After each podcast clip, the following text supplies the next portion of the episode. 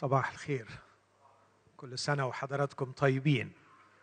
أنا ما أعرفش إذا كنتوا سلمتوا على بعض وعيدتوا على بعض ولا لسه لكن ممكن نعمل تاني.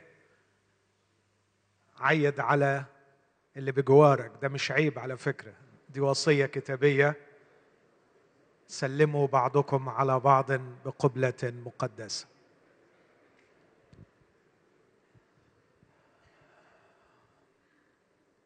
بصلي أن الرب يدينا سنة جديدة مليانة حياتنا فيها ببهجة وفرحة عطية السماء لنا وأن يكون يسوع مولود المذود عطية الآب لنا هو نموذج الذي آه، نقتدي به هو الشخص الذي يملأ حياتنا والشخص الذي يستثمر عمرنا وإمكانياتنا في السنة القادمة. لنكون فعلا فرحين مثمرين في كل عمل صالح. دي تمنياتي وصلاتي للرب من أجلنا جميعا. آه، بمناسبة احتفالنا بأيام الميلاد المبهجة والجميلة على قلبي أشارك بفكرة تحت هذا العنوان ميلاد المسيح بين قبح الأسطورة وروعة الحقيقة. هناك أساطير وهناك حقيقة. وأقصد في عرض سريع في دقائق إني أقدم ثلاث أفكار رئيسية. الفكرة الأولى أود أن أتكلم عن فكرة أقدر أقول فلسفية فكرية ثقافية. اتهام الحق المسيحي بأن قصة ميلاد المسيح المعجزية مأخوذة من الأساطير القديمة. أود أن أشير إلى هذه الفكرة واضحضها في دقائق. ثم أنتقل إلى فكرة أقدر أسميها كتابية أو لاهوتية عن طبيعة عطية السماء لنا طبيعة ميلاد المسيح. لماذا ميلاد المسيح؟ آه، نحتفل بتبادل الهدايا إقرارا منا في الكريسماس إنه إن هناك عطية ونعبر عنها بتبادل العطايا والهدايا فما هي نوعية عطية الميلاد أو عطية السماء لنا؟ والفكرة الثالثة آه، ليست فلسفية ولا كتابية لكن فكرة عملية أرجو أنها تحرضنا على أن نفعل شيئا في السنة القادمة بنعمة الرب. آمين؟ فدول الثلاث أفكار اللي أحب أني أتوقف عندهم. هستأذنكم في البداية نقف مع بعض ونقرأ من كلمة الله المقدسة المعصومة من الخطأ الكلمة الحية والمحيية. أقرأ من إنجيل لوقا أصحاح واحد وبعدين آيات من أصحاح ثلاثة ثم من إنجيل مرقس في النهاية أصحاح عشرة. في لوقا واحد يقول لوقا الطبيب مسوقا من الروح القدس يقول إذ كان كثيرون قد أخذوا بتأليف قصة في الأمور المتيقنة عندنا. كما سلمها إلينا الذين كانوا منذ البدء معاينين وخداما للكلمة. رأيت أنا أيضا إذ قد تتبعت كل شيء من الأول بتدقيق أن أكتب على التوالي إليك أيها العزيز ثوفيلوس لتعرف صحة الكلام الذي علمت به. ثم من أصحاح اثنين وفي تلك الأيام صدر أمر من أغسطس قيصر بأن يكتتب كل المسكونه وهذا الاكتتاب الأول جرى إذ كان كيرينيوس والي سوريا ثم أصحاح ثلاثة. وفي السنة الخامسة عشرة من سلطنة طيباريوس قيصر إذ كان بيلاطس البنطي واليا على اليهودية وهيرودس رئيس ربع على الجليل وفيلبس أخو رئيس ربع على إيطورية وكورة تراخونيتوس ولسانيوس رئيس ربع على الأبلية في أيام رئيس الكهنة حنان وقيافة كانت كلمة الله على يوحنا ابن زكريا في البرية. ثم أخيرا من إنجيل مرقس أصحاح عشرة. عدد واحد وأربعين. مرقس عشرة واحد وأربعين. ولما سمع العشرة أي عشرة التلاميذ ابتدأوا يغتاظون من أجل يعقوب ويوحنا. فدعاهم يسوع وقال لهم أنتم تعلمون أنتم تعلمون أن الذين يحسبون رؤساء الأمم يسودونهم وأن عظماءهم يتسلطون عليهم فلا يكون هكذا فيكم. بل من أراد أن يصير فيكم عظيما يكون لكم خادما. ومن أراد أن يصير فيكم اولا يكون للجميع عبدا لأن ابن الإنسان أيضا. ابن الإنسان أيضا لم يأتي ليخدم بل ليخدم وليبذل نفسه فدية عن كثيرين. آمين. هذه هي كلمة الرب. خلونا وإحنا واقفين نقدم الشكر للرب من أجل الكلمة ونطلب منه باتضاع أن يفتح قلوبنا وأذهاننا لكي نفهمها ونعمل بها. أبانا أشكرك من كل قلبي مع اخوتي في هذا الصباح. لأجل عطية السماء هدية الميلاد.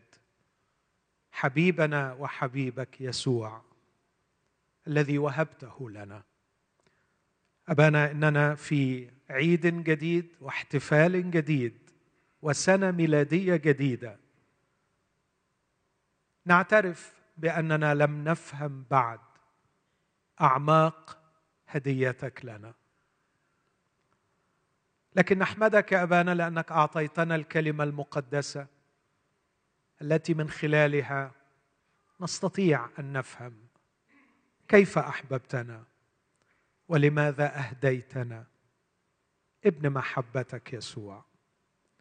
أبي المحب آتي إليك مع إخوتي راجيا أن تفتح قلبي وقلبهم وأن تعطينا أن نتعلم معا شيئا جديدا. عن عطية السماء هدية الميلاد. في اسم المسيح يا أبانا اسمع واستجب. آمين. تفضل.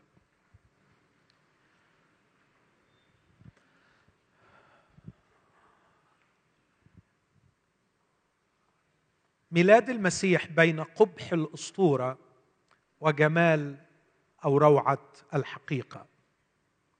البعض للأسف الشديد يقول أن القصة المسيحية التي تحكي هذا الشيء الغريب المعجزي أن عذراء تحبل وتلد مخلص ويظهر نجم في السماء وتأتي ملائكة تبشر رعاة تقول لهم قد ولد لكم اليوم مخلص هو المسيح الرب. وأن هذا المخلص يموت مصلوبا ثم يقوم في اليوم الثالث ويصعد إلى السماء. هذه القصة تتشابه كثيرا مع أساطير كثيرة في التاريخ. وبما أن هذه الأساطير أقدم من القصة المسيحية فعلى الأرجح أن المسيحية أو القصة المسيحية أخذت من هذه الأساطير وبناء عليه تصبح القصة المسيحية هي في الحقيقة أسطورة أكثر منها واقع. ويحاول هؤلاء الأشخاص أن ينقذونا من الضياع الفكري الذي نعيش فيه وينبهوننا إلى حماقة ما نؤمن به ويريدون أن يسترجعونا إلى الواقع ويقنعونا أن القصة المسيحية هي مجرد أسطورة. أود في دقائق أناقش هذه الفكرة. أعرف أن هذا ليس موضوعي وأن الحضور لا يتحمل مثل هذه المجادلات الفكرية التي ليس مجالها العيد. عشان كده هديها بس عشر دقائق ربع ساعة بالكثير. لكن أنتقل بعد هذا إلى فكر كتابي لاهوتي وفكر عملي. أقول أحبائي ببساطة شديدة عندما ندرس ونقرأ الأساطير القديمة وأنا أشجع من كل قلبي أن نقرأها مع تحفظ صغير أرجو أن لا نقرأها على الفيسبوك لكن نقرأها من مصادرها الأساسية والرئيسية. لكني أشجع بكل قلبي أن نتثقف وأن نقرأ كثيرا الأساطير المختلفة. وإذا قرأنا الأساطير المختلفة دعونا نلاحظ هذا الشيء الهام للغاية أن كل الأساطير تقريبا في كل الميثولوجيا القديمة سواء المصرية أو البابلية أو الإغريقية تتفق مهما اختلفت على شيئين. الشيء الأول هو وجود ال afterlife وجود حياة بعد الموت. والشيء الثاني وجود مخلص فائق القدرات ليس كباقي البشر ينقذ البشرية من المأزق الحاضر. هذا ما تتفق عليه كل الأساطير. وهنا أحبائي أتوقف وأجد في هذه الأساطير مادة غنية للبرهنة على صحة الحق المسيحي. إن القصة المسيحية تقول أن هناك مأساة كبرى اسمها الموت. وأن الموت لم يكن ابدا في التصميم الرئيسي للبشر عندما خلقهم الله. إن الموت شيء دخيل دخل على الحياة البشرية لكي يفسدها. الموت ليس في التصميم تصميم الخلق لكنه دخل كشيء عارض قال عنه الكتاب في قصة تصويرية جميلة يوم تأكل منها موتا تموت. هذه ليست مشيئتي ابدا أن يدخل الموت. يشرح بولس لاهوتيا روعة هذا الأمر في روميا خمسة عدد 12 وعدد 25 بعبارتين في منتهى القوة. العبارة الأولى يقول بإنسان واحد دخلت الخطية إلى العالم وبالخطية الموت وهكذا اجتاز الموت إلى جميع الناس إذ أخطأ الجميع. وقبل ما ينهي الأصحاح يقول لكي تملك النعمة بالبر حتى كما ملكت الخطية بالموت. هكذا تملك النعمة بالبر في المسيح يسوع. لقد دخلت الخطية وبالخطية دخل الموت والموت اجتاز إلى جميع الناس إذ أخطأ جميع الناس والخطية التي دخلت لم تلبث إلا سريعا ملكت وإذ ملكت الخطية ملك الموت. هذه هي القصة الواقعية التي تشرحها المسيحية. ومنذ ذلك الحين وقلوب البشر من أعماقها تصرخ رافضة حقيقة الموت. لا يمكن أن يكون الموت هو النهاية. لا يمكن أن يكون القبر هو نهاية القصة. لا بد أن هذه الحياة الجميلة تستمر.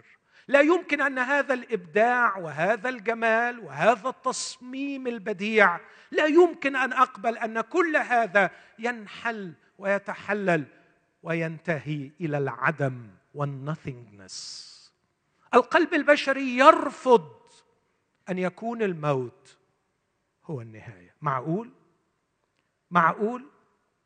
البشر والزرع والحيوان والكواكب والنجوم والأفلاك وكل هذا الجمال يبتلع في النهاية في ثقب أسود ويكون الدمار ونصل إلى الفراغ والعدم. قلب الإنسان يرفض يرفض الموت. لكن من الجانب الآخر القصة المأساوية لا تتوقف عند حدود مستقبل مأساوي هو الموت. لكن مأزق حاضر يعيشه البشر. يوجد شر يوجد ظلم يوجد ألم يوجد مرض توجد معاناة. ألا من مخلص يخلصنا من المأزق الحاضر وألا من مخلص يخلصنا من المأساة المستقبلية التي اسمها الموت منذ أن دخلت الخطية إلى العالم. هذه هي رغبة القلب البشري. تتردد أصداءها في الشرق وفي الغرب. تتردد أصداؤها عند الفلاسفة المتعمقين وعند البسطاء. إني لا أقبل أن يكون الموت نهاية وأنا لا أقبل أن أعيش المأساة الحاضرة بدون مخلص. نحن نحتاج إلى مخلص.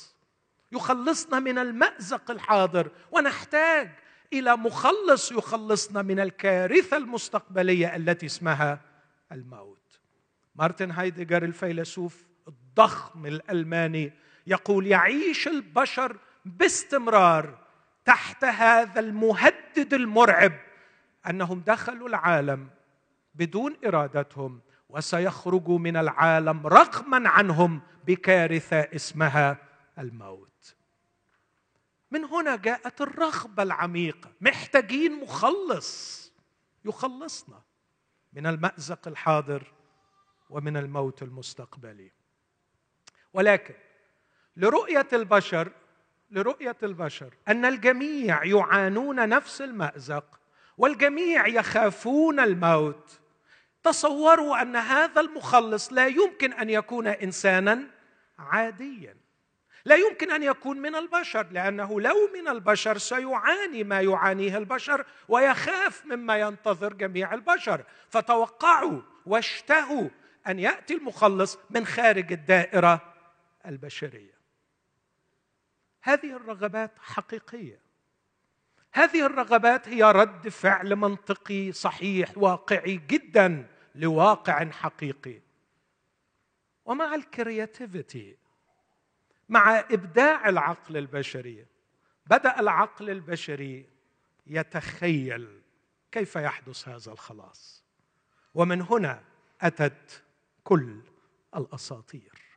فالأسطورة هي صياغة أدبية لرغبة عميقة في القلب البشري رغبة مشروعة نشأت من واقع حقيقي يؤلم البشر ودفعهم إلى تخيل هذا النوع من الخلاص والذي صاغوه في صورة أسطورة. لكن يبقى السؤال هل كون البشر ألفوا هذه الأسطورة كتخيل منهم يلبي رغبتهم في خلاص من مأزق حقيقي هل هذا يلغي حقيقة احتياج البشر؟ وهل هذا يمنع تدخل الإله بقصة حقيقية ومخلص حقيقي وخلاص حقيقي يخلصهم من المأزق الحاضر ومن المأساة المستقبلية؟ أي منطق يقبل هذا؟ هل لمجرد أن البشر حلموا وتخيلوا فأبدعوا بخيالهم قصة أدبية عن الخلاص هل هذا يمنع وجود خلاص حقيقي؟ هل هذا يمنع وجود تدخل حقيقي من الله؟ إن المشكلة التي تخيلوا حلها مشكلة واقعية موجودة. والرغبة في قلوبهم للخلاص رغبة حقيقية. وإذا كان هناك إله أوجد هؤلاء البشر الذين يبدعون هذه الأساطير. إذا كان هناك إله يحبهم ويعبأ بمأساتهم وبمأزقهم أعتقد إن أقل شيء أخلاقي أخلاقي يتحتم على هذا الإله هو أن يرسل لهم مخلص. دورسي سايلرز شاعرة وفيلسوفة ومفكرة إنجليزية. كان لها محاجة جديرة بالاهتمام. تقول دورثي إذا كان يوجد حقا إله خلق هذا العالم وهذا الإله الصالح والحكيم. لديه أسباب لا نستطيع أن نعرفها. أدت إلى هذه المأساة مأساة الألم التي يعيشها البشر. فأقل شيء أخلاقي يتحتم على هذا الخالق أن يفعله أن يأتي إلى خليقته ويذوق ما يتذوقونه من معاناة وألم. وأقول لها لك كل الحق. أيتها الشاعرة والمفكرة لكن الخبر المفرح أن الخالق قد أتى. والذي أقوله لكتاب الأساطير إن الخالق لم يرسل مخلصا لكن الخالق أتى بنفسه لكي يخلص. إخوتي الأحباء من وجهة نظري المسيحية وجهة نظري اللي أكيد يعني تتحمل الخطأ لكني اثق إنها صحيحة مش دايما. أقول إن وجود الأسطورة إنما هو أروع برهان على وجود الحقيقة. إن وجود الأسطورة هو أروع برهان على احتياج بشري عميق منطقي لوجود المخلص. وأقول إن السماء في ملء الزمان تجاوبت مع رغبة القلب البشري بل مع احتياج النفس البشرية ولم ترسل مخلصا لكن الخالق نفسه أتى لكي يخلص. بس حجم الإعجاز في القصة المسيحية معقد للغاية وكبير للغاية. ضخم للغاية. الله غير المحدود. يأتي في صورة إنسان محدود. الازلي الأبدي يحد في الزمان. من كان قبل المكان يحصر في مكان. كلي القدرة يصبح ضعيفا ويموت. وكلي العلم ينمو في الحكمة والقامة والنعمة. وعذراء تحبل وتلد. ونجم في السماء يظهر بصورة غريبة. هذا التعقيد المبالغ فيه في أشياء فوق طبيعية يجعل القصة المسيحية إلى حد ما صعبة التصديق. أقول يا للسذاجة بل يا للجهل بل يا للسطحية عندما نرى أن تعقيد الحقيقة يفقدها مصداقيتها.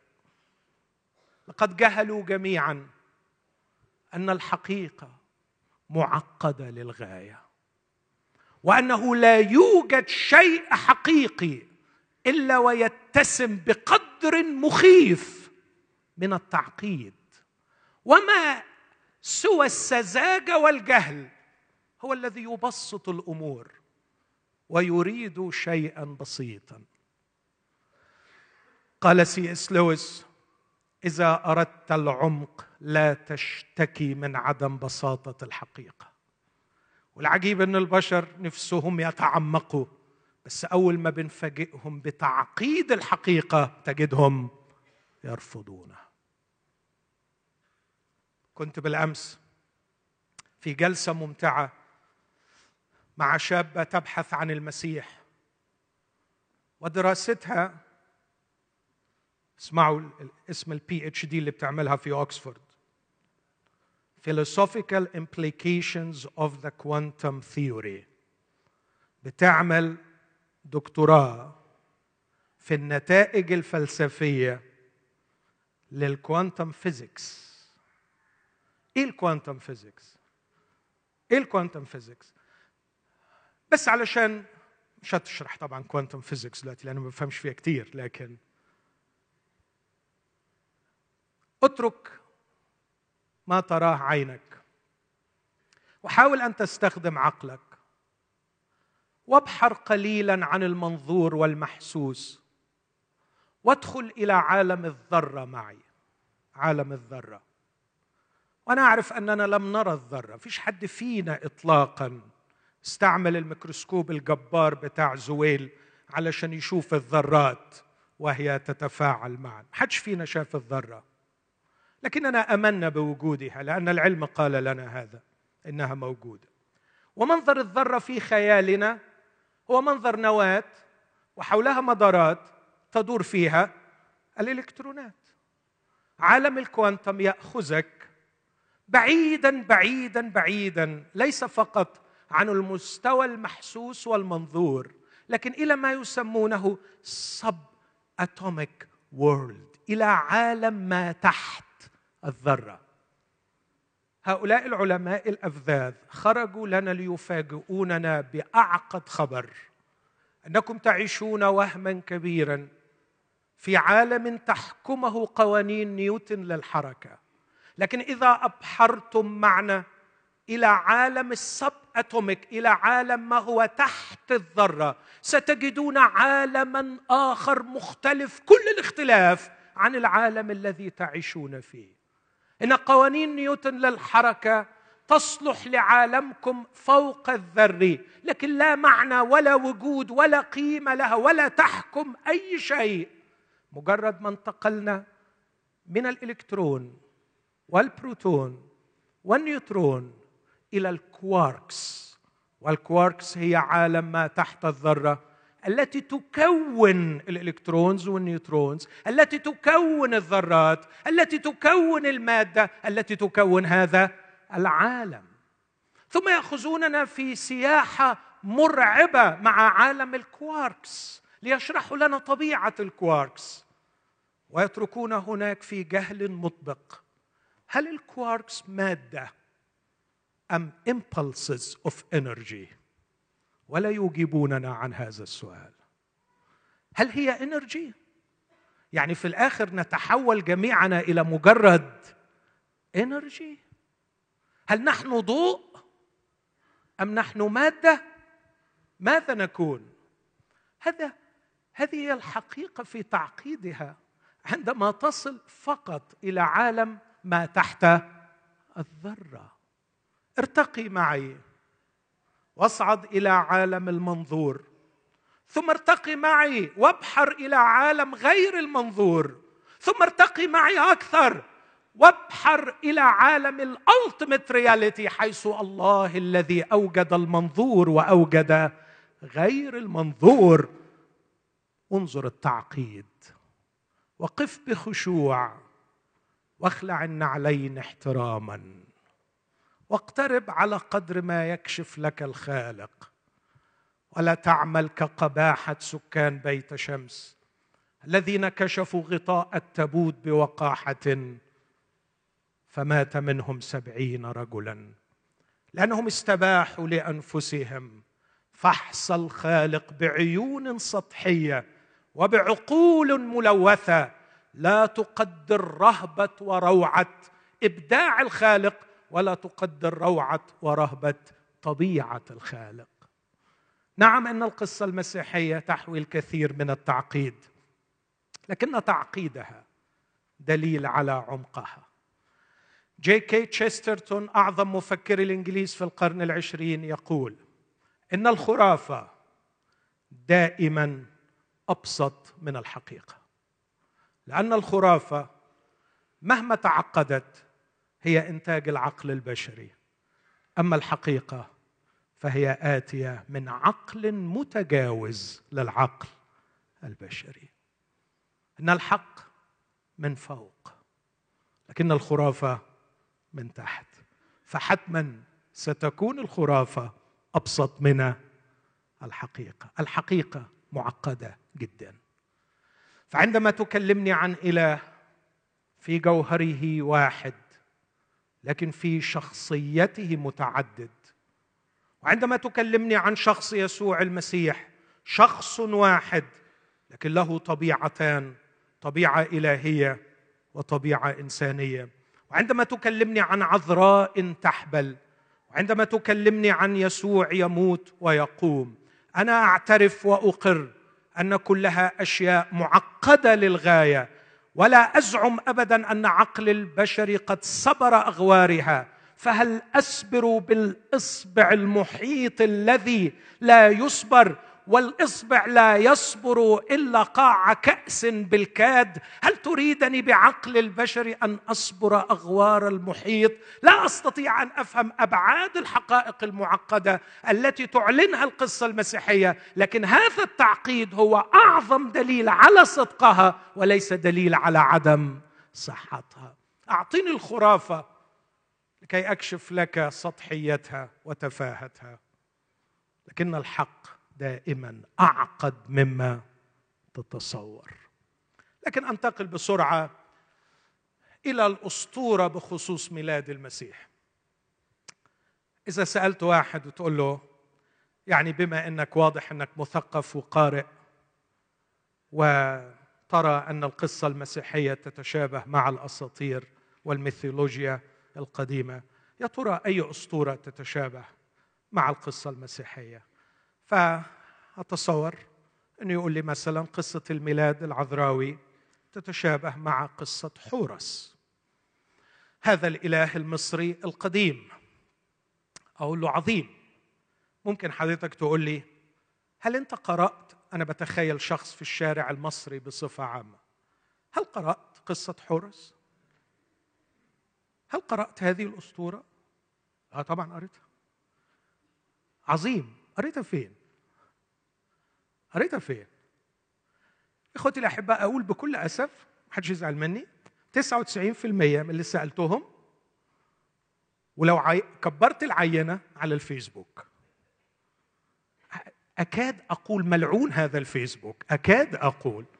أكاد أقول هذا. الذي أصبح مصدر التنوير الوحيد في القرن الواحد وعشرين. أكاد أقول هذا. يا هو ده مصدر معلوماتك؟ لا لا الحقيقة أنا شفت يوتيوب. شفت يوتيوب مين عامله اليوتيوب واحد دماغه طقت فيها يعمل يعني فيديو معين يعمل براحته سؤالي هل قرأت القصة في مصادرها الرئيسية؟ هل قرأت قصة الأسطورة في مصدرها الرئيسي؟ بصراحة لو طلع لي واحد وقال لي آه هتأكد إنه ما بيقراش. تعرف ليه؟ لأنه أي مصدر رئيسي أي مصدر رئيسي للأسطورة أخذ واحدة منهم حورس هل قرأتها على غرف الدفن في الأهرام؟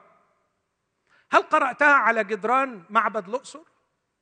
هل قرأتها على جدران معبد فيلة؟ أين قرأت القصة؟ إن المصدر الذي جمع القصة من هذه الأماكن المتناثرة أول مصدر لدينا هو هيرودوتس الذي كتب 500 في كتاب الموتى كلمات قليلة لا تجمع القصة فالقصة لها روايات كثيرة ومتناثرة ومختلفة وكل مصدر يحكي جزءا وشيئا يختلف عن الآخر. هيرودوتس القرن الخامس قبل الميلاد جمع الحكاية. بعدين جه ديودور الصقلي بعديه بأربع قرون جمع القصة. وأخيرا القصة المتكاملة كتبها بلوتارك في نهاية القرن الأول الميلادي وبداية القرن الثاني الميلادي وكل قصة تختلف عن الأخرى. شوف مثلا جزء من الاختلاف من الروايات المصرية القديمة. طبعا لما بلوتارك كتبها كل الدارسين بيقولوا خلط الميثولوجيا الأغريقية على الميثولوجيا المصرية على الميثولوجيا البابلية وطلع لنا في النهاية إيزيس وأوزوريس وحورس قصة تاني ما إحناش عارفين أصلها وفصلها ومصدرها. ثم بغض النظر عن المصدر الذي قرأت منه وعدم وجود مصدر كامل موثوق فيه ما هو وجه التشابه؟ الميلاد العذراوي. فين الميلاد العذراوي في قصة حورس؟ آه، أول ما بقول له كده بيبدأ يتراجع وبيقول هو يعني مش ميلاد عذراوي أو لأنه في الآخر يا عمي مش أوزوريس اتجوز إيزيس تاني. طب إذا كان اتجوزها وخلف منها فين حكاية الميلاد العذراوي؟ فياخد خطوة back ويقول لا هو مش ميلاد عذراوي لكن ميلاد معجزي.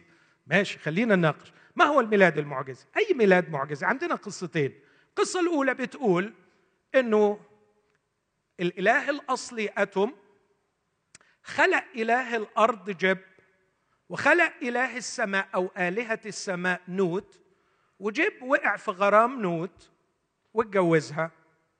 وبعدين حبلت نوت باتنين توأم في بطنها إيزيس وأوزوريس وهم في البطن حبوا بعض واتجوزوا. وخلفوا حورس وهو في البطن. وحورس اتولد قبل ما أبوه وأمه تولدوا. وقصة أخرى تقول لا. القصة ليست هكذا. لكن ست الإله الشرير أخو أوزريس غار منه وقتله. وقطع جسده 42 قطعة ونشرها في كل أقاليم مصر. ثم قامت إزيز الزوجة المحبة العاشقة. وجمعت كل هذه الأجزاء ولم يفقد منها إلا شيء واحد لا داعي لذكره. وفي النهاية استطاعت بطريقة معينة أن تحيي أوزوريس وتزوجت منه وأنجب منها حورس.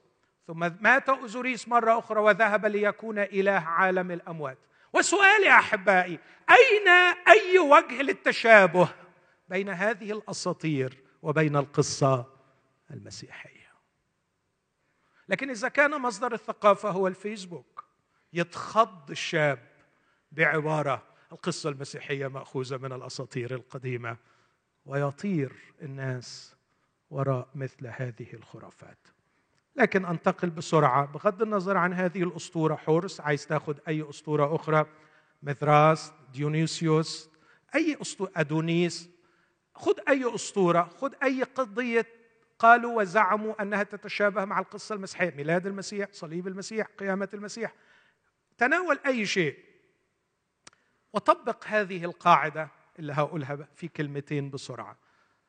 القاعدة الأولى كتاب الأساطير الحقيقة وهي كتابة أدبية جميلة. ستجد ينقصها شيئين في غاية الأهمية. في أشياء كتير بس أنا هركز على شيئين. الشيء الأول كاتب الأسطورة لا يقدم لك قط. أي شيء. خليك تعرف إذا كان اللي بيقوله حقيقة أم خيال. وهو الحقيقة لا يزعم إنه بيكتب حقائق. لكن هو بيكتب لك حاجة. غالبا بيكون من خياله بيوصف بيها المأساة اللي إحنا عايشينها بيجسد بيها أحلام البشر بطريقة ميثولوجية أسطورية. هو بيك... لكن عمره الراجل كاتب القصة ما بيقول إن اللي بكتبه ده حقيقة. وطبعا ما بيقولش إن اللي بكتبه ده خيال لأنه مش قصده إنه يقول لك ده حقيقة ولا خيال. هو قصده يوري لك فكر بشري إبداع بشري. الإبداع البشري ده يجسد الواقع يصف الواقع في صورة خيالية. يعني لما تقرأ رائعة نجيب محفوظ أولاد حارتنا ما اعتقدش ابدا إن نجيب محفوظ في أي جزء منها قال لك على فكرة اللي أنا بكتبه لك ده حقيقة ما قالش كده اطلاقا. وفي نفس الوقت ما تقراش ابدا في القصة إنه مرة قال لك على فكرة اللي بكتبه ده مجرد خيال. هو الراجل بيحاول يوصف واقع مؤلم رآه. لو أنت بقى تاخد الكلام ده وتروح تبحث وتدور فين بيت الجبلاوي وفين الحارة وفين بتطلع منها على مش عارف الضرب الإيه ولا فين طبعا هتبقى يعني بتكتشف إنه ده مجرد خيال. لكن الراجل ما قالش وهو بيكتب إن ده حقيقة ولا قال إن ده خيال. هكذا كاتب الأسطورة. تعال طبق المبدأ ده على قصة المسيحية. هل كتاب القصة المسيحية أشاروا إلى أن ما يكتبونه هو حقيقة؟ إخوتي الأحباء هنا أحتاج أن أقتبس سي إس لويس. اللي ما يعرفش مين سي إس لويس ما أعتقدش إن في حد اليومين دول ما يعرفوش. غالبا ما تخلو خدمة لي من الاقتباس منه أو الإشارة إليه.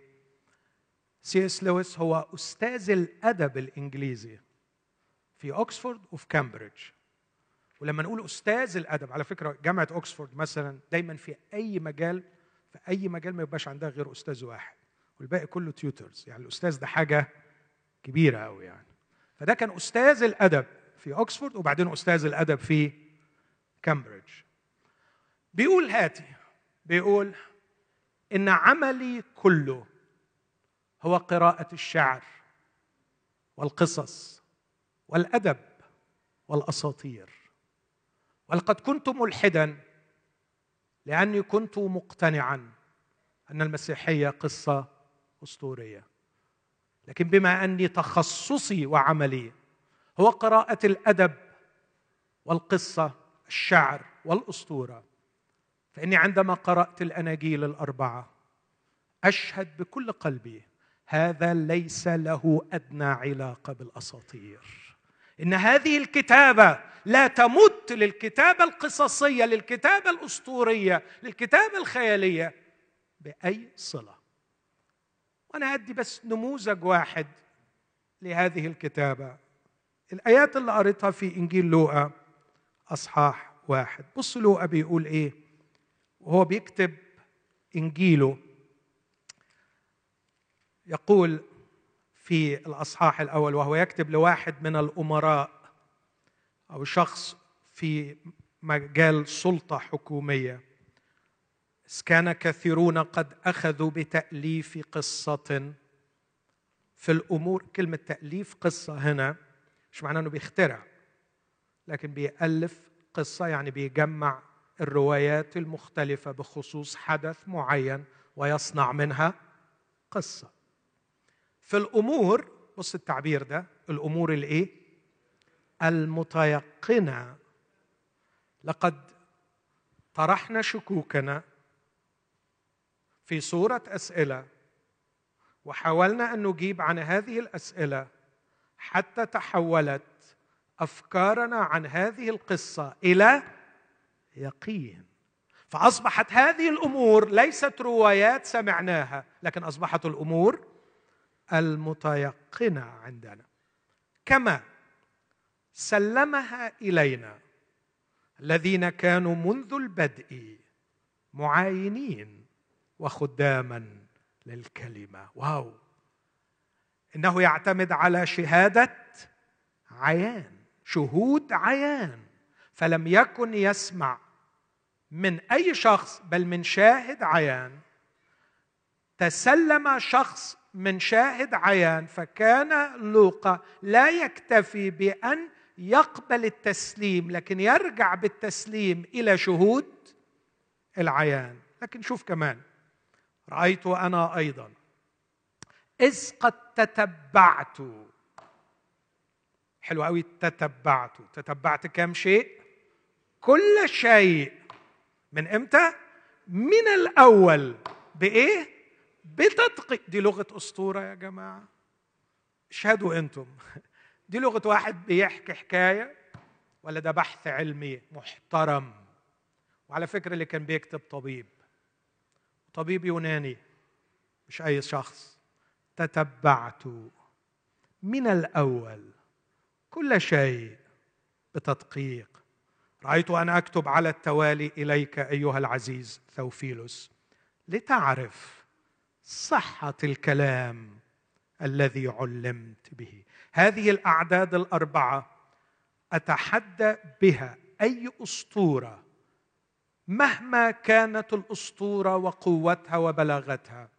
أن تحتوي على مثل هذا الأسلوب الذي يؤكد أن ما يكتبه صاحبه بعيد كل البعد عن الخيال. ممكن أطلع عشر كلمات في الخمس أعداد دي بتقول إن ده مش خيال لكن ده واقع حدث. الأمر الثاني وده اللي بيقولوه كتاب الأساطير نفسهم أو اللي عفوا اللي بيدرسوا كتابات الكتابات الأسطورية دارسي الأدب. بيقولوا الأسطورة لما تقراها الكاتب لا يقدم لك شيء مهم بنسميه ال falsifying factor. يعني يقدم لك حاجة تقدر من خلالها تمتحن صحة هذا الكلام. يعني إيه؟ يعني يقدم لك اسم شخص معروف اتكتب عنه في وثائق أخرى. يقدم لك إطار تاريخي معين حصلت فيه الحكاية دي فتقدر تروح تمتحن وتشوف يقدم لك أماكن جغرافية معينة تقدر تروح تنخرب وراه وتعمل حفريات للآثار وتنقب وتشوف يطلع لك حاجة منها ولا ما يطلعش. يعني الكاتب المحترم اللي بيكتب حقيقة أو بيكتب حقائق المفروض يساعدني إني أتأكد من صحة ما يكتب من خلال ان يديني كلوز يديني بعض العوامل اللي أقدر أمسكها وأمشي وراه علشان أقدر أمتحن صحة الكلام. أطبق المبدأ ده. هل له احترم المبدأ ده؟ هقرأ لكم جزء أنا بعتبره الحقيقة جزء عبقري. لم أرى مثله في أي نوع من الكتابات الأخرى. في أصحاح ثلاثة. بص معايا في أصحاح ثلاثة من إنجيل لوقا رائع الآيات قدامنا. الآيات دي أنا قريتها مع حضراتكم. بيقول في السنة الخامسة عشر. طبقا للمبدأ اللي بيحطوه النقاد دول. أو الراجل راح محدد ميعاد. وحدد اسم ملك من الملوك. في السنة الخامسة عشرة من سلطنة طيباريوس قيصر. في بلد اسمها روما إمبراطورية اسمها روما. الرئيس بتاعها اسمه قيصر. من القياصرة بتوعها واحد اسمه طيباريوس في السنة الخامسة عشر من سلطنة طيباريوس الحقيقة عندي هنا كم كلو محتاج يكون في إمبراطورية اسمها روما محتاج يكون اللي بيحكمها اسمه قيصر محتاج إن القيصر ده يكون اسمه. طباريوس محتاج إنه الحوادث اللي هقراها دي تكون في السنة. يعني يا عم أنت بتصعب على نفسك. لا شوف الباقي. في السنة الخامسة عشر من سلطنة طيباريوس قيصر. عايز إيه اللي حصل؟ إيه اللي في حدث حصل. في حدث حصل. تعرف إيه الحدث؟ الحدث موجود في عدد ثلاثة الجزء الأخير. في عدد اثنين الجزء الأخير. وأقدر أقرأ كده. يعني لو بتقرأ معايا ومعاك قلم في كتابك تقدر تقول كده وركز معايا في اللي بقوله ده من فضلك. في السنة الخامسة عشر من سلطنة طباريوس قيصر افتح قوس اقفل القوس بعد كلمة حنان وقيافة في عدد اثنين كانت كلمة الله على يوحنا ابن زكريا. هو ده الرسالة اللي عايز يوصلها. ركزوا معايا في اللي بقوله ده من فضلكم. ما هي الرسالة اللي لوقا عايز يقولها؟ عايز يقول في السنة الخامسة عشر من سلطنة طباريوس قيصر كانت كلمة الرب على يوحنا ابن زكريا. العبارة دي لوحديها فيها سبعة falsifying factors يعني ممكن أقعد أنخرب وراه علشان أتأكد من صحة الكلام ده في سبعة clues ممكن أمشي وراه واحدة واحدة. أبحث عن روما أبحث ان الحاكم بتاع اسمه قيصر أبحث عن واحد في ال documents الموجودة كان اسمه تيباريوس افرض لقيت الراجل ده حكم عشر سنين بس القصة دي كلها وقعت لأنه بيقول لك إن القصة دي حدثت في السنة الخامسة عشر. وبعدين في السنة الخامسة عشر من سلطنة طباريوس قيصر كانت كلمة الرب. لازم أتأكد أنه كان في العصر ده بتيجي كلمة الرب على أنبياء. ولازم أكتشف من وثائق تاريخية أخرى أن كان في نبي اسمه يوحنا. ولازم يوحنا ده يكون أبوه اسمه زكريا. بس تعرف لوقا ما عملش كده. ما اكتفاش بدول. ما اكتفاش بدول. لكن بص أنا مش عارف بجد هو ليه عمل ده كله. يظهر كان عارف اللي هيحصل على الفيسبوك بعدين يعني. بص بيقول لك إيه؟ يعني أنا لو بكتب أكتب كده وده كفاية قوي. في السنة الخامسة عشر من سلطنة تباريوس قيصر كانت كلمة الرب على يوحنا بن زكريا. لكن لوقا قال لك إيه؟ إذ كان في الوقت ده يعني إذ كان بيلاطس البنطي واليا على اليهود يا عم صعبت الدنيا على روحك كده. يعني كده إحنا لازم كمان نتأكد علشان نتأكد من صحة الحكاية اللي انت بتحكيها إن بعد ما اتاكدنا من الخمس ست حاجات اللي قبل كده أو السبعة أروح أدور كمان إن في بلد اسمها اليهودية وإن الوالي اللي عليها اسمه. ده كده كتر ألف خيرك يا لو كفاية قوي كده. لا إذ كان بيلاطس واليا على اليهودية. وهيرودس رئيس ربع على الجليل. أنا لازم أتأكد إن في حتة اسمها الجليل والجليل متقسمة أربع حتت ففي ربع اسمه الجليل كان في حاكم عليه اسمه هيرودس. وفيلبس أخوه يعني لازم هيرودس ده يطلع له أخ اسمه فيلبس ويكون كمان رئيس الربع ويكون رئيس ربع على ايطوريا لا ده كمان خد حتة تاني معرفش خدها إزاي وكورة تراخونيتوس. لكن كمان وليسانيوس واحد ثالث رئيس ربع على الأبلية ده كل ده في المجال السياسي.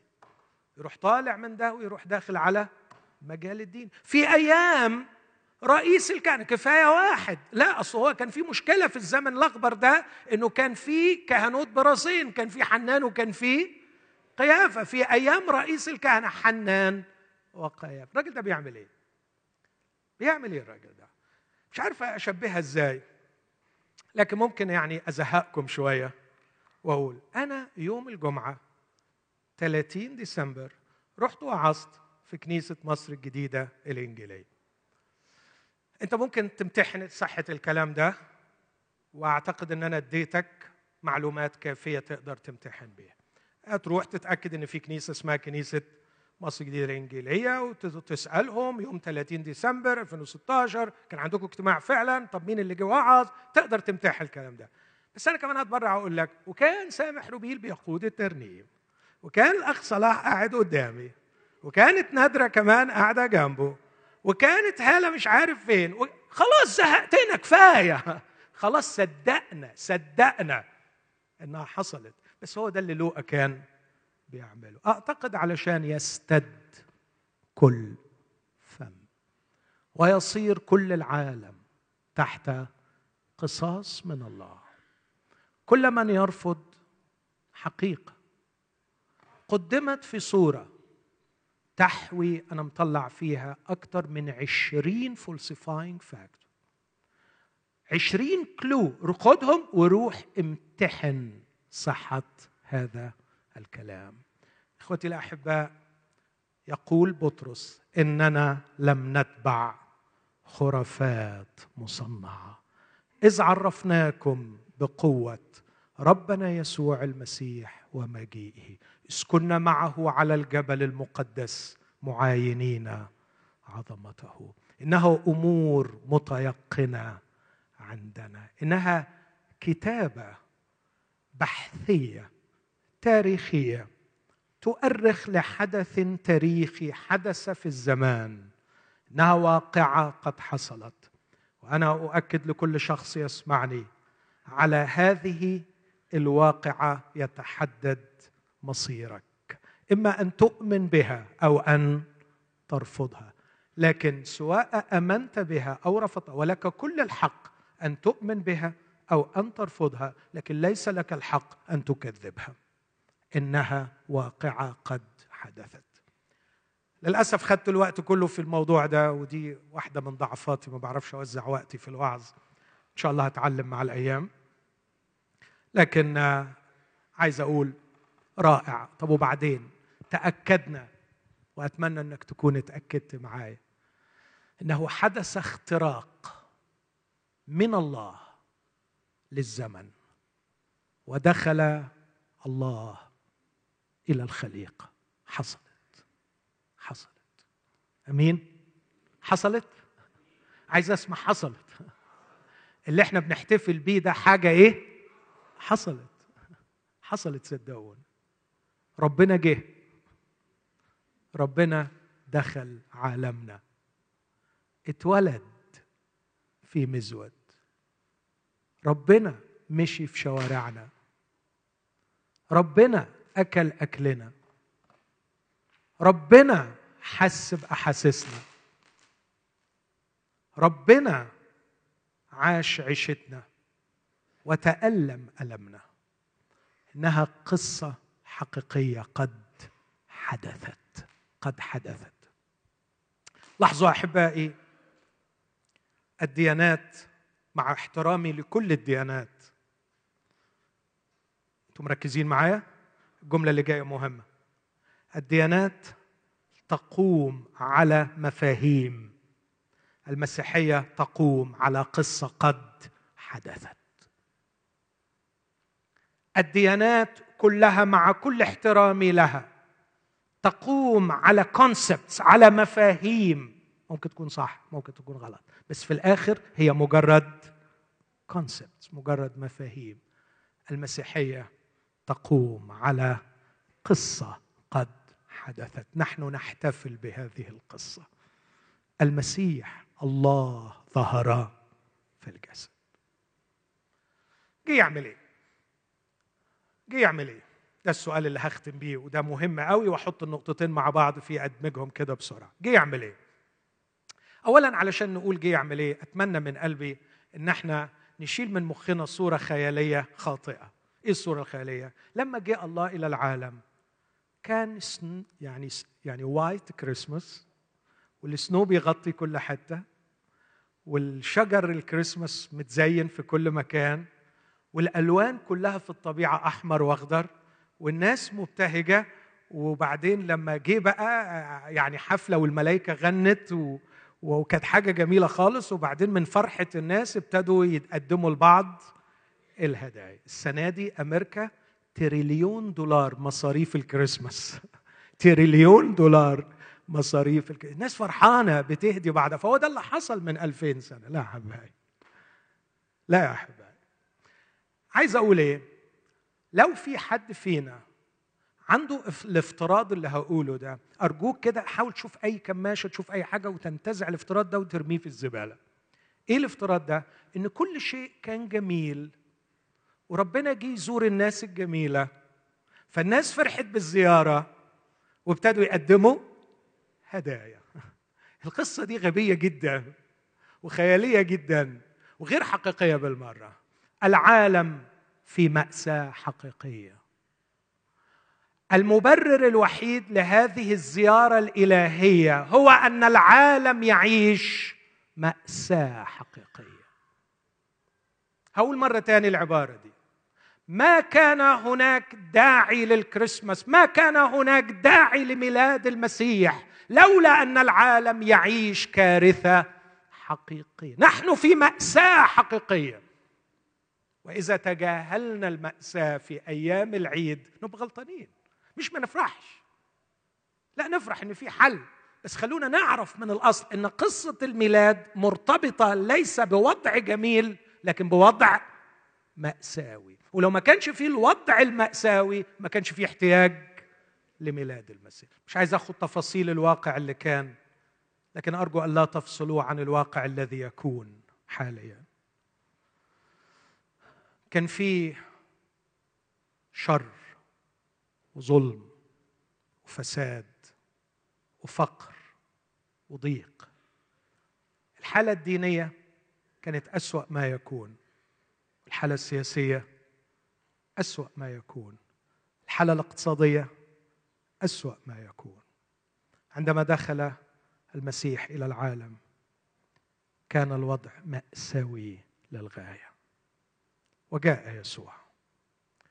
جاء يسوع لكي يقول لنا عندي شيء أقدمه لكم. عندي حاجة أديها لكم. أنتم تعبانين. وأنا جاي اقدم لكم شيء في تعبكم. اخوتي الأحباء ها هنا اليوم في 2016 أعتقد نلتقي بقصة وحقيقة الميلاد. أنا نفسي أقول لكل واحد المسيح مولود المزود واقف قدامك دلوقتي وبيقول لك نفس الرسالة. أنت في مأساة وأنا جئت لأعطيك شيئا. لدي شيء. هل تقبل هذا الشيء؟ أعتقد لقد ارتبط الكريسماس في أذهاننا بالهدايا. لاعتبارات فيها تاريخية كثير لكن أعتقد أنه أنهم من البداية أدركوا أن السماء قد أعطت. والسؤال السماء أعطت ماذا أعطت؟ ماذا أعطتنا السماء؟ هنا أنتقل إلى إنجيل مرقس وأتمنى أن إحنا نقبل عطية الميلاد. رب يسوع كان في إنجيل مرقس اصحاح عشرة قاعد مع التلاميذ. في حكايتين حصلوا أتمنى أن إحنا نشوفهم وتتابعوا معايا الحكاية الأولى فجأة كده فجأة كده بدون مقدمات. اتنين منهم من التلاميذ ال 12 لا هصحح. اتنين مننا إحنا اللي قاعدين هنا. طلعوا ليسوع وقالوا له انت جيت نورت البيت يا أهلا بيك معقول؟ انت جيت؟ آه أنا جيت. اسمع بقى ما دام انت جيت ما دام الأزل اخترق الزمن وما دام غير المحدود حل بيننا اسمع بقى دي فرصتنا ومش هنضيعها. اسمعنا بقى. نريد. عدد 35 نريد أن تفعل لنا كل ما طلبنا. إيه رأيكم في الطلبة دي؟ منطقية ولا مش منطقية؟ فكروا فيها. منطقية ولا مش منطقية؟ منطقية. أنت بتقول لي إن أنت الله وجيت للعالم. واو روعة. الله جيت للعالم. وجاي علشاننا؟ وجاي تدينا عطايا. خد بقى. أنا جاي أقول لك أريد أن تفعل لي كل ما أطلبه منك. لاحظ أعتقد إن الجزء ده يعني مكتوب بعبقرية معينة مقصود منه شيء. القصة اللي بعديها قصة برتيماوس الأعمى. برتيماوس قاعد يصرخ يصرخ يصرخ. لغاية ما وقف يسوع. وبعدين لما جابوا يسوع عدد واحد وخمسين فأجاب يسوع وقال له ماذا تريد أن أفعل بك؟ الرب يسوع سأل السؤال ده في عدد 36 ليوحنا ويعقوب لما طلبوا منه الطلب ده قال لهم ماذا تريدان أن أفعل لكما؟ فلاحظ عدد 36 وعدد 51 المسيح يقول ليعقوب ويوحنا ماذا تريدان أن أفعل لكما؟ ويقول لبرتماوس نفس السؤال في الإنجليزية بس في تغيير في العربي بسيط ماذا تريد أن أفعل لك أو بك؟ عايزين إيه؟ الحقيقة كان كل واحد عارف كويس اللي هو عايزه. كان يوحنا ويعقوب عايزين المجد وكان بارتيماوس عايز شفاء.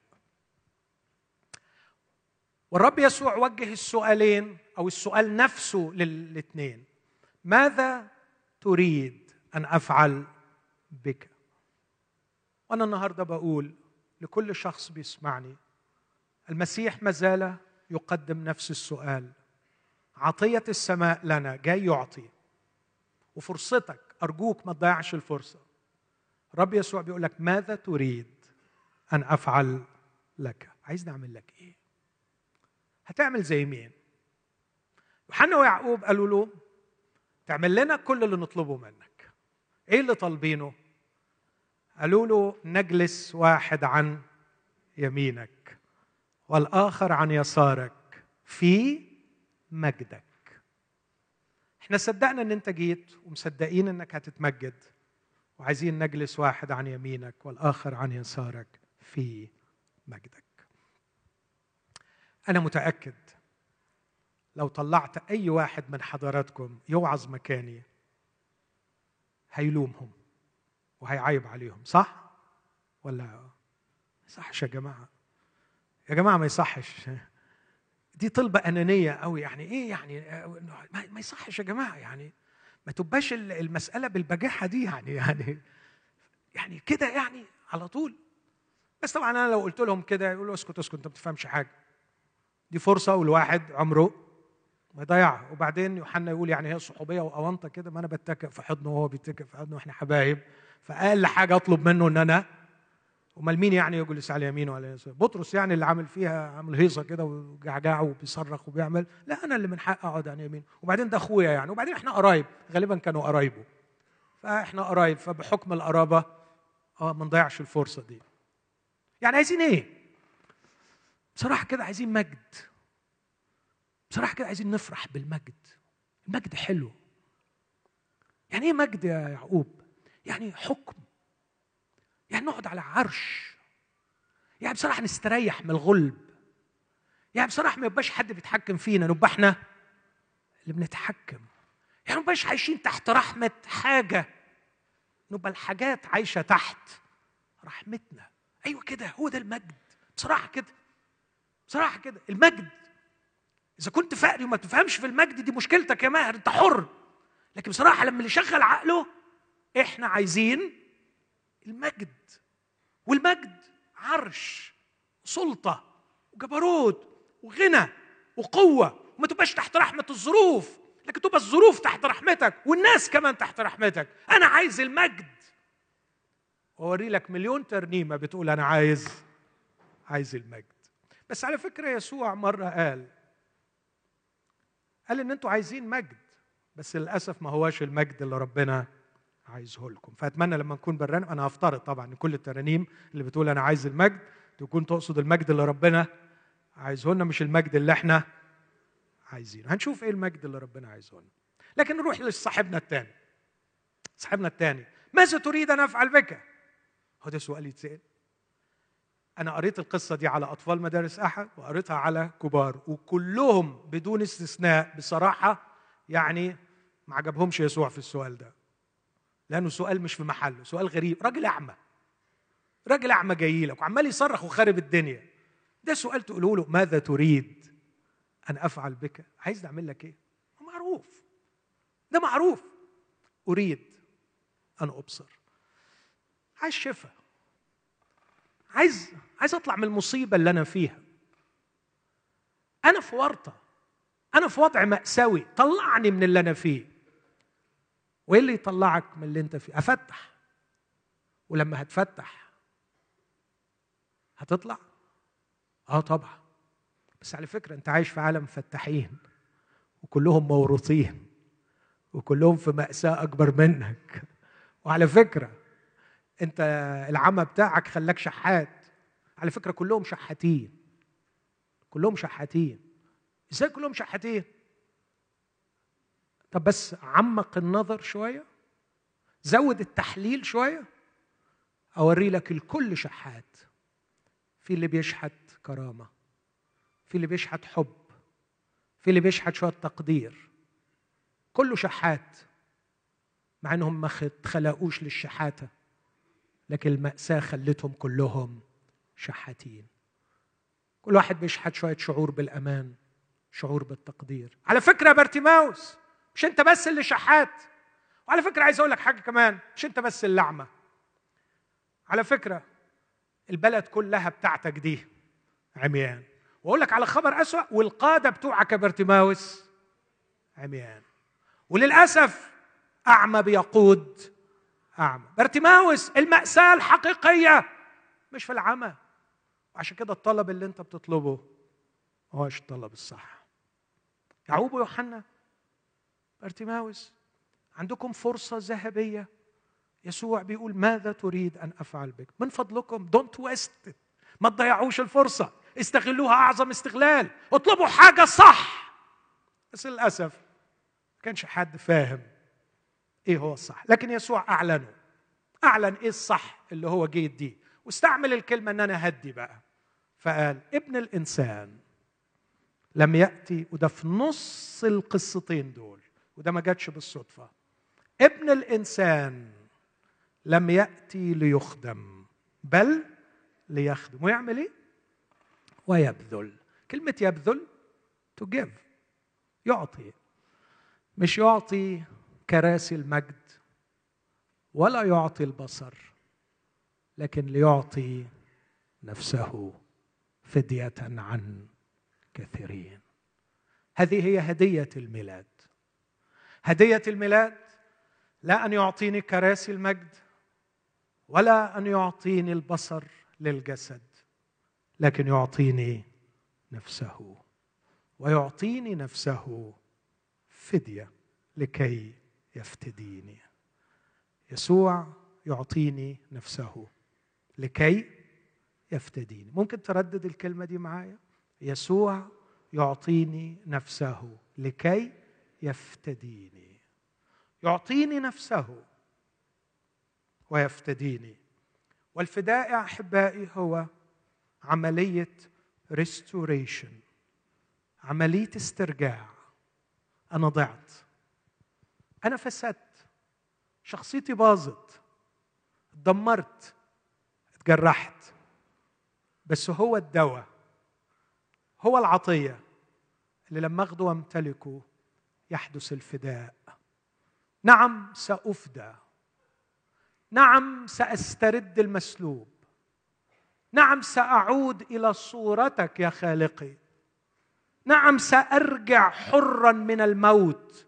والخوف والعبودية. نعم يا خالقي خلقتني جميلا عظيما رائعا وسأفدى وسأعود لأن يسوع أعطاني نفسه. أعطاني نفسه فدية يبذل نفسه فدية. هذه القصة المسيحية.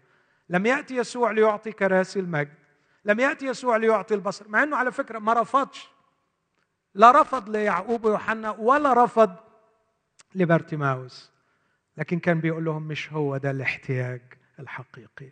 احتياجك الحقيقي هو إلى شخص الله نفسه. شخص الله في صورة يسوع المسيح. شخص الله في صورة يسوع المسيح الذي يفتديك. أنت تحتاج للفداء. جواك حاجات كتيرة مدفونة. جواك حاجات كتيرة تم الاستيلاء عليها. جواك حاجات كتيرة محتلة. انت محتاج فادي. يسترجعك. يشفيك. يوقفك. يقومك على حيله. يهبك نفسه فاديا. آه أتمنى أكتب كتاب عن العبارة دي. يهبك نفسه فاديا. يهبني نفسه لا يهبني شيئا من عنده. لا يهبني كرسيا بجواره. لا يهبني عرشا. لا يهبني بصرا وصحه يهبني نفسه ويهبني نفسه فاديا لكي يفديني ويسترجعني ويستردني. مخلوق على صورة الله. أيقونة الحية الحاملة لحضوره التي تملك معه وتتمجد معه في الزمان. وفي الخلود. هذه هي العطية عطية الميلاد. في دقيقتين هقول الله تورط في عالمنا. زمان قلت العبارة دي ويعني. جه عليا هجوم بشع بسببها. بس لما اتهاجمت رحت قريتها في القاموس. فلقيت ورطة معناها حمقى تغوص فيها الغنم ولا تستطيع أن تخلص نفسها. تصور؟ ده في المعجم المعجم اللغوي روح دور عليها ما هي الورطة؟ حمقى تغوص فيها الغنم ولا تستطيع أن تخلص نفسها. يبقى أحلى حاجة اقولها عن يسوع إنه عمل إيه؟ ها؟ ده اتورط قوي. ده نزل لحمقتنا دخل للحمقى عشان يطلع الغنم. تورط في معاناتنا. هو ده يسوع في الميلاد. يسوع في الناصرة يسوع في شوارع الجليل يسوع على بحيرة طبرية يسوع يلمس الأبرص يسوع على حوار رائع مع امرأة بئر سخار يسوع مع امرأة الهيكل يسوع على صليب الجلجسة. كان موروطا تورط في حمأتنا لكي يخدمنا لكي ما يفتدينا. لكن من جانبنا بقى إحنا عايزين نقدم هدية الميلاد. لأصحابنا. أمين؟ طلب سخيف. أنتم مش أبخل من الأمريكان. الأمريكان صرفوا تريليون دولار. يعني أنا هطلب منكم إن إحنا نقدم هدايا لبعض. بس الهدية اللي هطلبها صعبة شوية. زي ما هو اتورط في معاناتنا أطلب منكم تتورطوا في معاناة الآخرين. هذه هي هدية الميلاد. دور لك على واحد موروط وروح اتورط معاه. بوزته ليه؟ اتقمصته ليه؟ شكلكم مش عاجبكم. أنا عارف بس هي دي المسيحية. هو ده بارتيماوس تبع المسيح. تبعية المسيح المخلص في احتفال الميلاد أقول إن المسيح المخلص جاء إلينا لكي يورط نفسه في معاناتنا. إن المسيحية الحقيقية والمحبة الحقيقية مش إن أروح أقدم هدية للناس مش هجيب لهم حاجة لكن أتورط في معاناتهم. هذا ما علمه يسوع.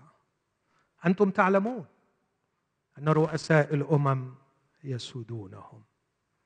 والذين يتسلطون عليهم عظماءهم يدعون محسنين. أما أنتم فلا يكون فيكم هكذا. بل من أراد أن يكون فيكم عظيما زيي يكون لكم خادما. وأنت قاعد قدامي دلوقتي حدد في ذهنك حد كده. قول له يا رب اديني معونة اتورط في معاناته. بس يعني خليك حكيم ما تتورطش قوي بعدين تنادي عليا تقول لي تعالى طلعنا أنا وهو أنا مش هقدر.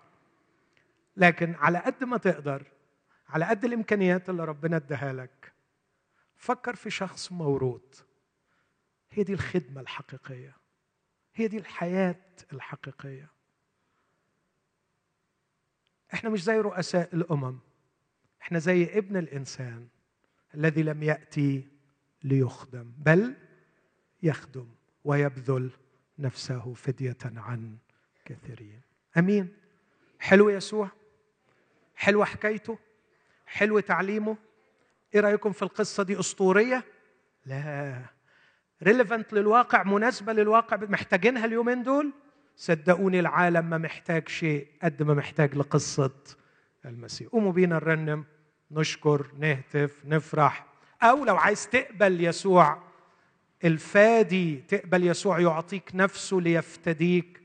أو لو عايز تجدد عزمك وعهدك إنك فعلا تروح تتورط في معاناة شخص وتحاول إنك تساعده توصل له قصة الميلاد بصورة واقعية. هذه هي القصة المسيحية. ما أبعدها عن الأساطير ما أكثر اختلافها عن الأسطورة. لم يخلص حورس انسانا لم يخلص اوزوريس انسانا لكن الله ظهر الجسد. دخل إلى قصتنا وأصبحت قصتنا قصته. حمأتنا حمأته. مصيبتنا مصيبته. ومات يسوع وقام ليفتدينا ويخلصنا. هيا بنا نسبحه نهتف له. نفرح به نقبله من جديد مخلصا وفاديا. ونعزم أن نعيش القصة قصة الميلاد مع آخرين أيضا.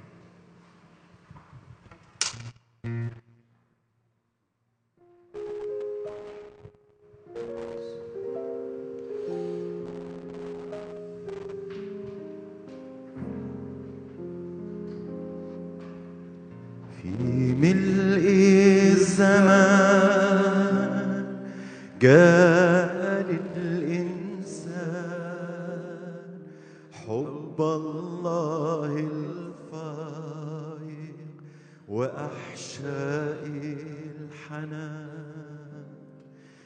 ليس كديان يقضي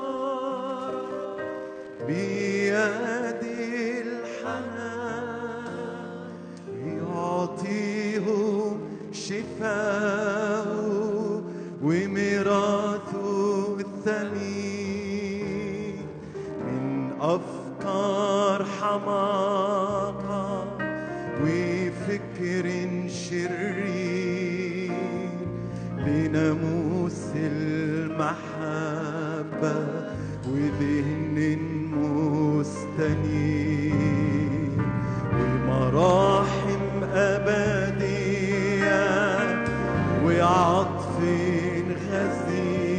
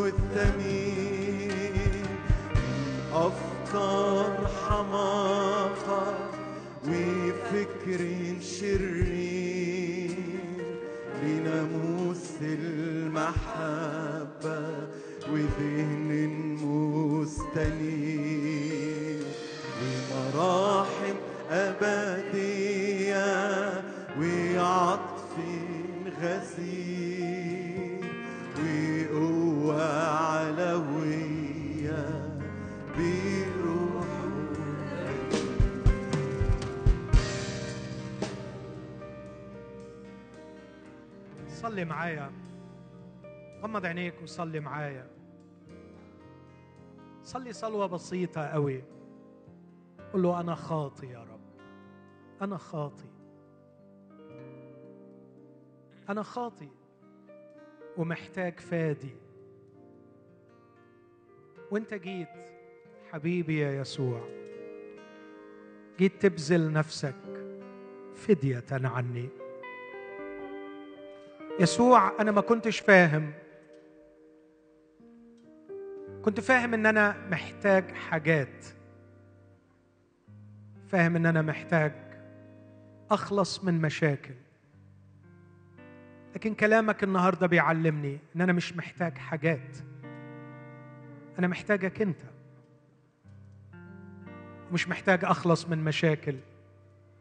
محتاج أخلص من خطيتي أخلص من جوة. يسوع يا فادي أرحمني أنا الخاطي أرحمني أنا الخاطي يا هدية السماء لنا في عيد الميلاد نقترب إليك. ونقول لك اعمل عملك العظيم اللي جيت من أجله. حبيبي يا يسوع متعني بفداك. افديني خلصني ارحمني. أنا تعبت. خد بإيدي. طلعني طلعني من الحمقى اللي أنا فيها. ولد لكم اليوم مخلص. هللويا. ولد لكم اليوم مخلص. أيتها البشرية المعذبة افرحي جاء إليك مخلص. هو المسيح الرب. يورط نفسه في حمأتك. يدخل إلى عمق خطيتك. ويحمل الخطية عنك. هل تقبل؟ هل تقبلي؟ ترمي في حضن يسوع. يا قول له بقبلك أنت الهدية. مش مستني منك هدية. أنت الهدية. وباخدك ليا نصيب. علشان تمتعني بخلاصك وفدائك. أرجوك أرجوكي صلي معايا بإخلاص هذه الصلاة. اللهم ارحمني أنا الخاطئ.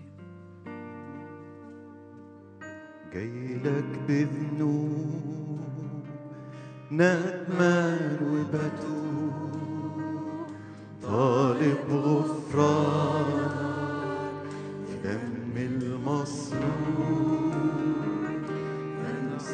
امسك بايديك وبتهدى فيك يا يسوع اشفيني أنا راجع لي جاي لك بذنوب جاي لك بذنوب.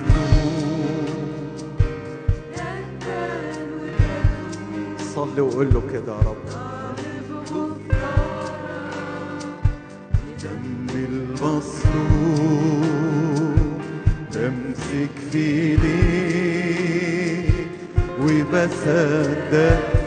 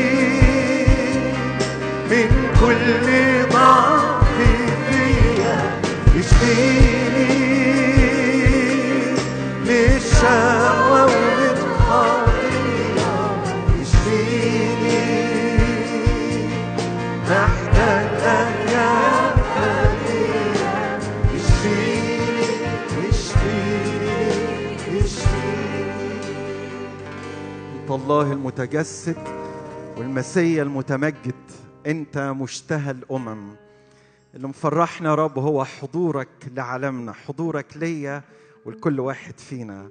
عشان كده بنقبلك سيد بنقبلك مخلص بنقبلك ملك بنقبلك العظيم يا رب. بنقبلك النهارده نقول لك علمنا نعيشك علمنا نكون رسالتك وعلمنا نكون حياتك. يا عجيب يا مشير إله قدير أبا أبديا. رئيس السلام. ينفع نفرح كده ونقدم له المجد والتعظيم؟ خلينا نقول له كده اتجسدت وجيت لينا. يا اللي نورت حياتنا اديت معنى لحياتنا. ليك المجد يا فدينا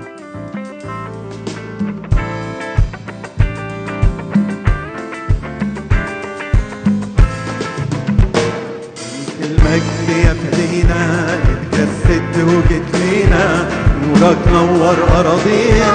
يا هنفضل وهنفضل ننجيها وهنعيد بمدينة. نرفع راية انجيلها يا ليك المجد ليك المجد يا فدينا اتجسدت وجيت لينا نورك نور أراضينا. يا عجيب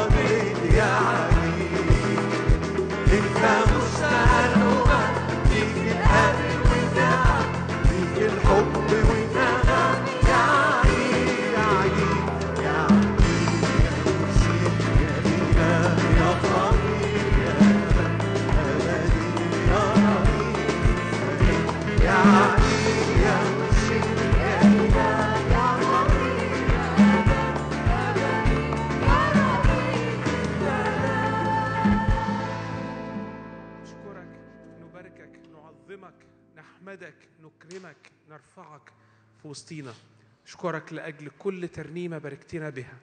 نشكرك لأجل الكلمة التي يا رب آه، دخلت بها يا رب إلى عمق قلوبنا وحفرت لنفسك طريقا بها في وسطنا. نشكرك لأجل خادمك الذي تكلم. نشكرك رب لأجل كل نفس تجاوبت. ونشكرك لأجل كل نفس أنت تعدها يا رب بهذه الكلمات لتتجاوب معك. في لحظة معينة. ونشكرك رب لأنك تسمعنا في كل حين عندما ندعوك قائلين أبانا الذي في السماوات ليتقدس اسمك ليأتي ملكوتك لتكن مشيئتك كما في السماء كذلك على الأرض. خبزنا كفافنا أعطنا اليوم. واغفر لنا ذنوبنا كما نغفر نحن أيضا للمذنبين إلينا. ولا تدخلنا في تجربة لكن نجنا من الشرير. لأن لك الملك والقوة والمجد إلى الأبد. والان نعمه ربنا ومخلصنا يسوع المسيح. محبة الله وشركة وعطية الروح القدس تكون معنا وتدوم فينا من الآن وإلى الأبد. آمين.